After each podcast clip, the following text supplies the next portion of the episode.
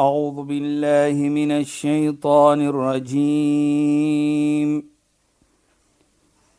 بسم الله الرحمن الرحيم.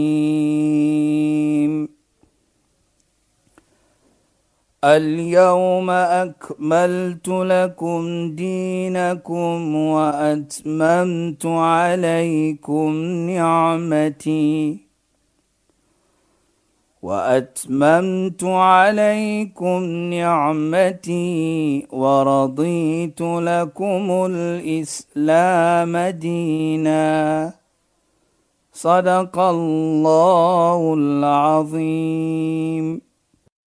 السلام عليكم ورحمة الله وبركاته. خيانات باي فالكم بدي بروخرام إسلام فوكس Ek is Shahida Kali en ek gesels met Sheikh Dafir Najjar. Assalamu alaykum Sheikh. Wa alaykum salaam wa rahmatullahi wa barakatuh.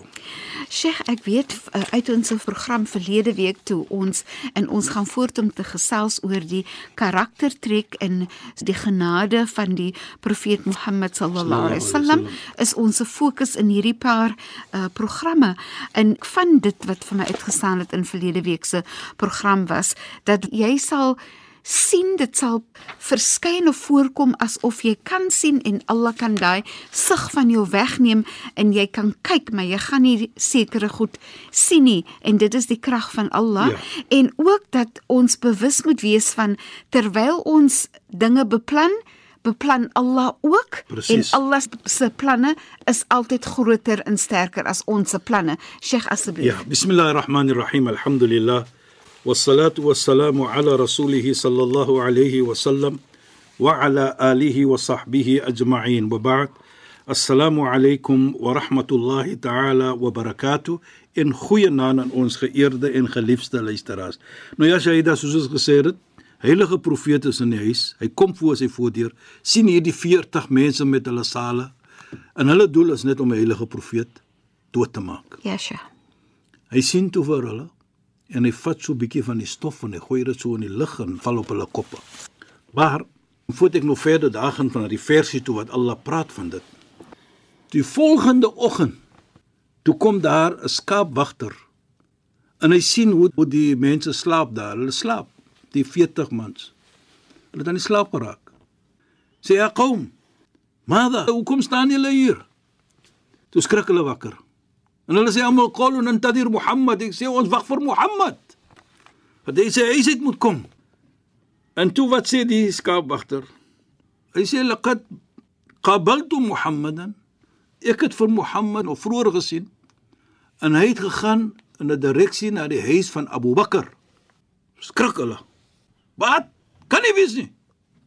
Asof hulle wakker gewees het. Ja, Sheikh. Toe sê hy nog vir hulle ook, kyk wat het Mohammed gemaak met julle op elke kop van julle is daar nog bietjie stof ook gegooi gewees. Hier praat Allah. Waj'alna min bainihim min baini aydihim sadda. En ons het voor hulle in hande gesit 'n sadda mens 'n barrier. Ja, Sheikh.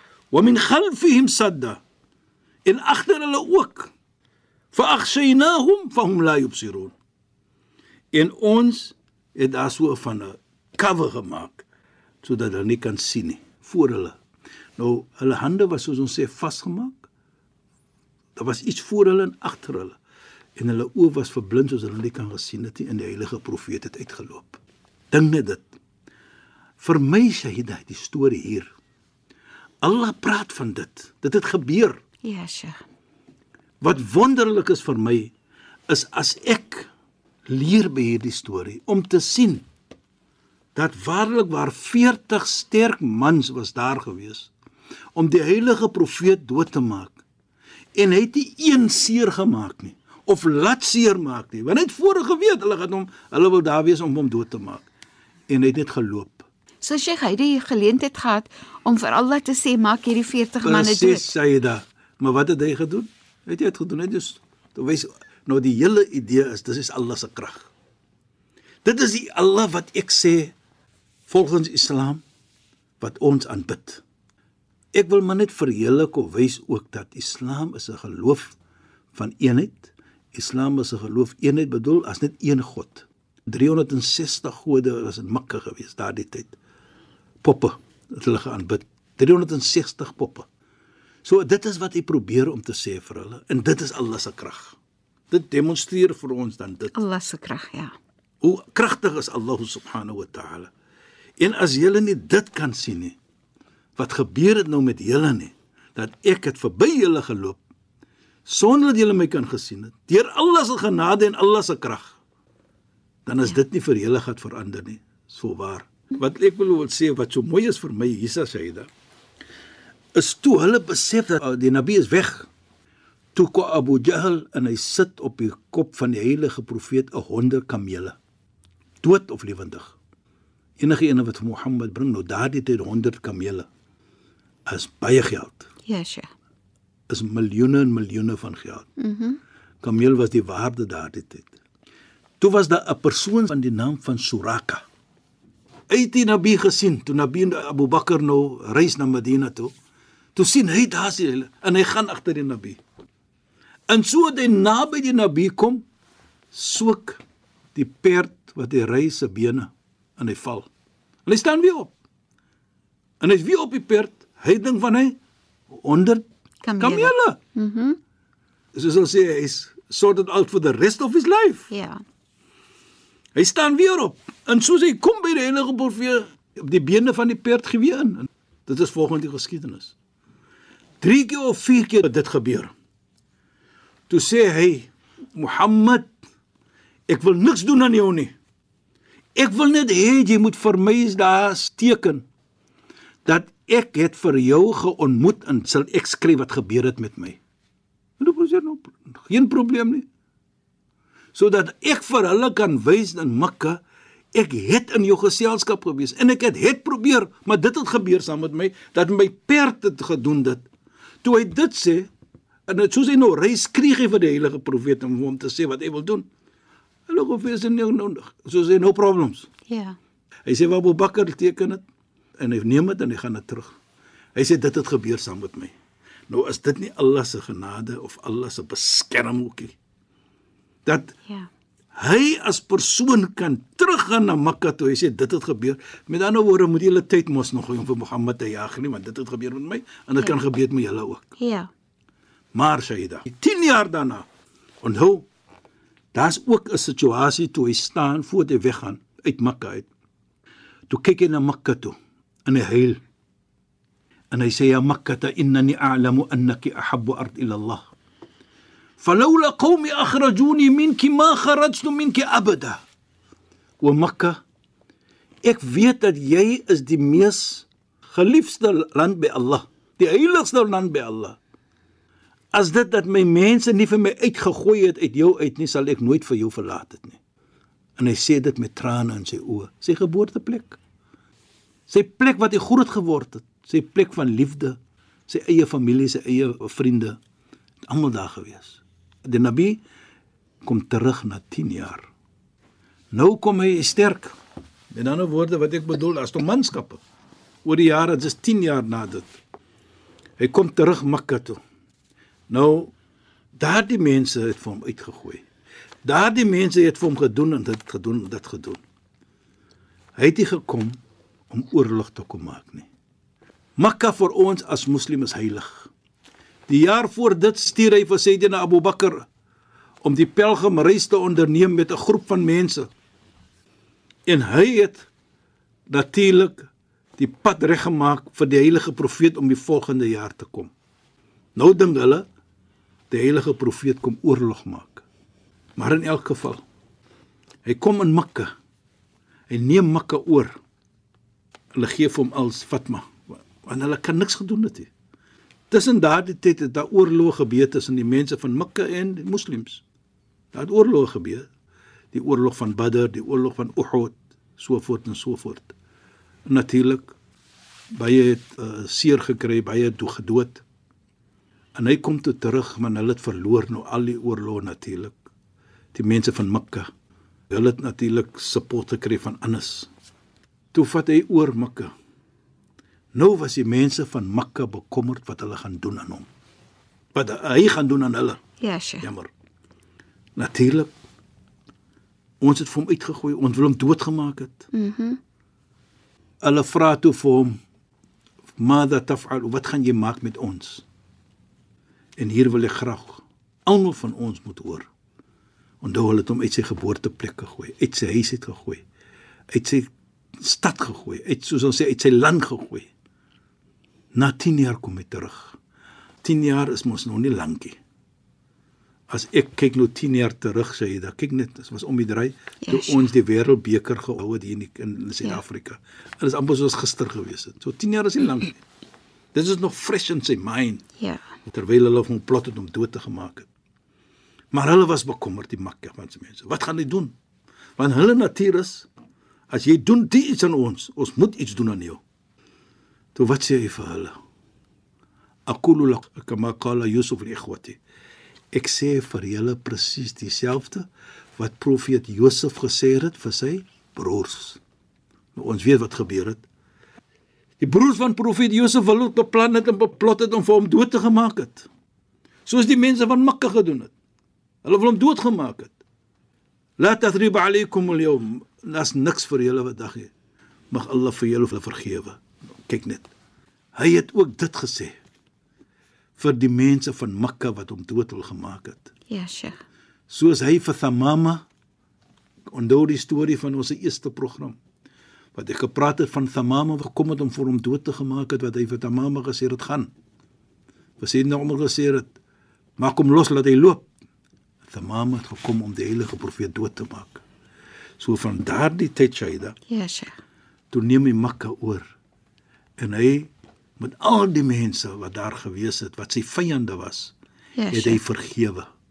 Het hy gesê julle is vry. Gaan, doen wat julle wil.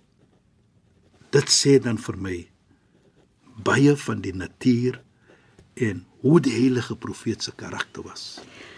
En hoe Islam vir ons leer en behoort te wees teenoor medemens.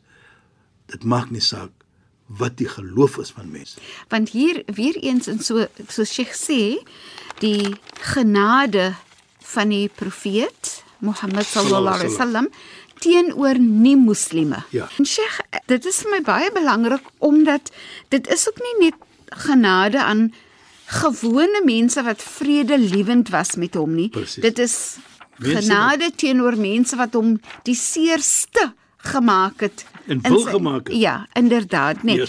So Sheikh, ons praat mos nou van die genade van die profeet Mohammed sallallahu alaihi wasallam. Nou dink ek sommer aan die verhaal van toe die profeet Mohammed sallallahu alaihi wasallam so seer gemaak was in Taif ook. Presies. Kan ons 'n bietjie daaroor jy weet, gesels, Shaida, Sheikh? Dit is ook 'n wonderlike storie. Asseblief, want want ek wil Ja. net sê dat ek weer eens wys dit die besluite wat die profeet kon gemaak het. Hy was in daai kragtige posisie om 'n sekere besluit te maak en tog maak hy 'n genadige besluit asseblief. Ja. Jy weet daardie storie Shaida, as ons kyk in Makka hoe dit daardie tyd gewees het. Ja, Sheikh. Hulle het vir hom seer gemaak. Hulle het hom gegooi met klippe. Hulle het vir hom enige iets wat jy kan ding van slegheid het hulle gedoen aan hom. Name genoem. En sommige tye het hulle dinge gesit in die pad wat hy geloop het Ja, Sheikh. en hulle het hom seer gemaak, na geslaan en so voort. Hulle wil hom ook soos hulle sê laat swaar lewe, laat ons dit so sit. Toe gaan hy na 'n stad wat bekend staan vandag as Taif.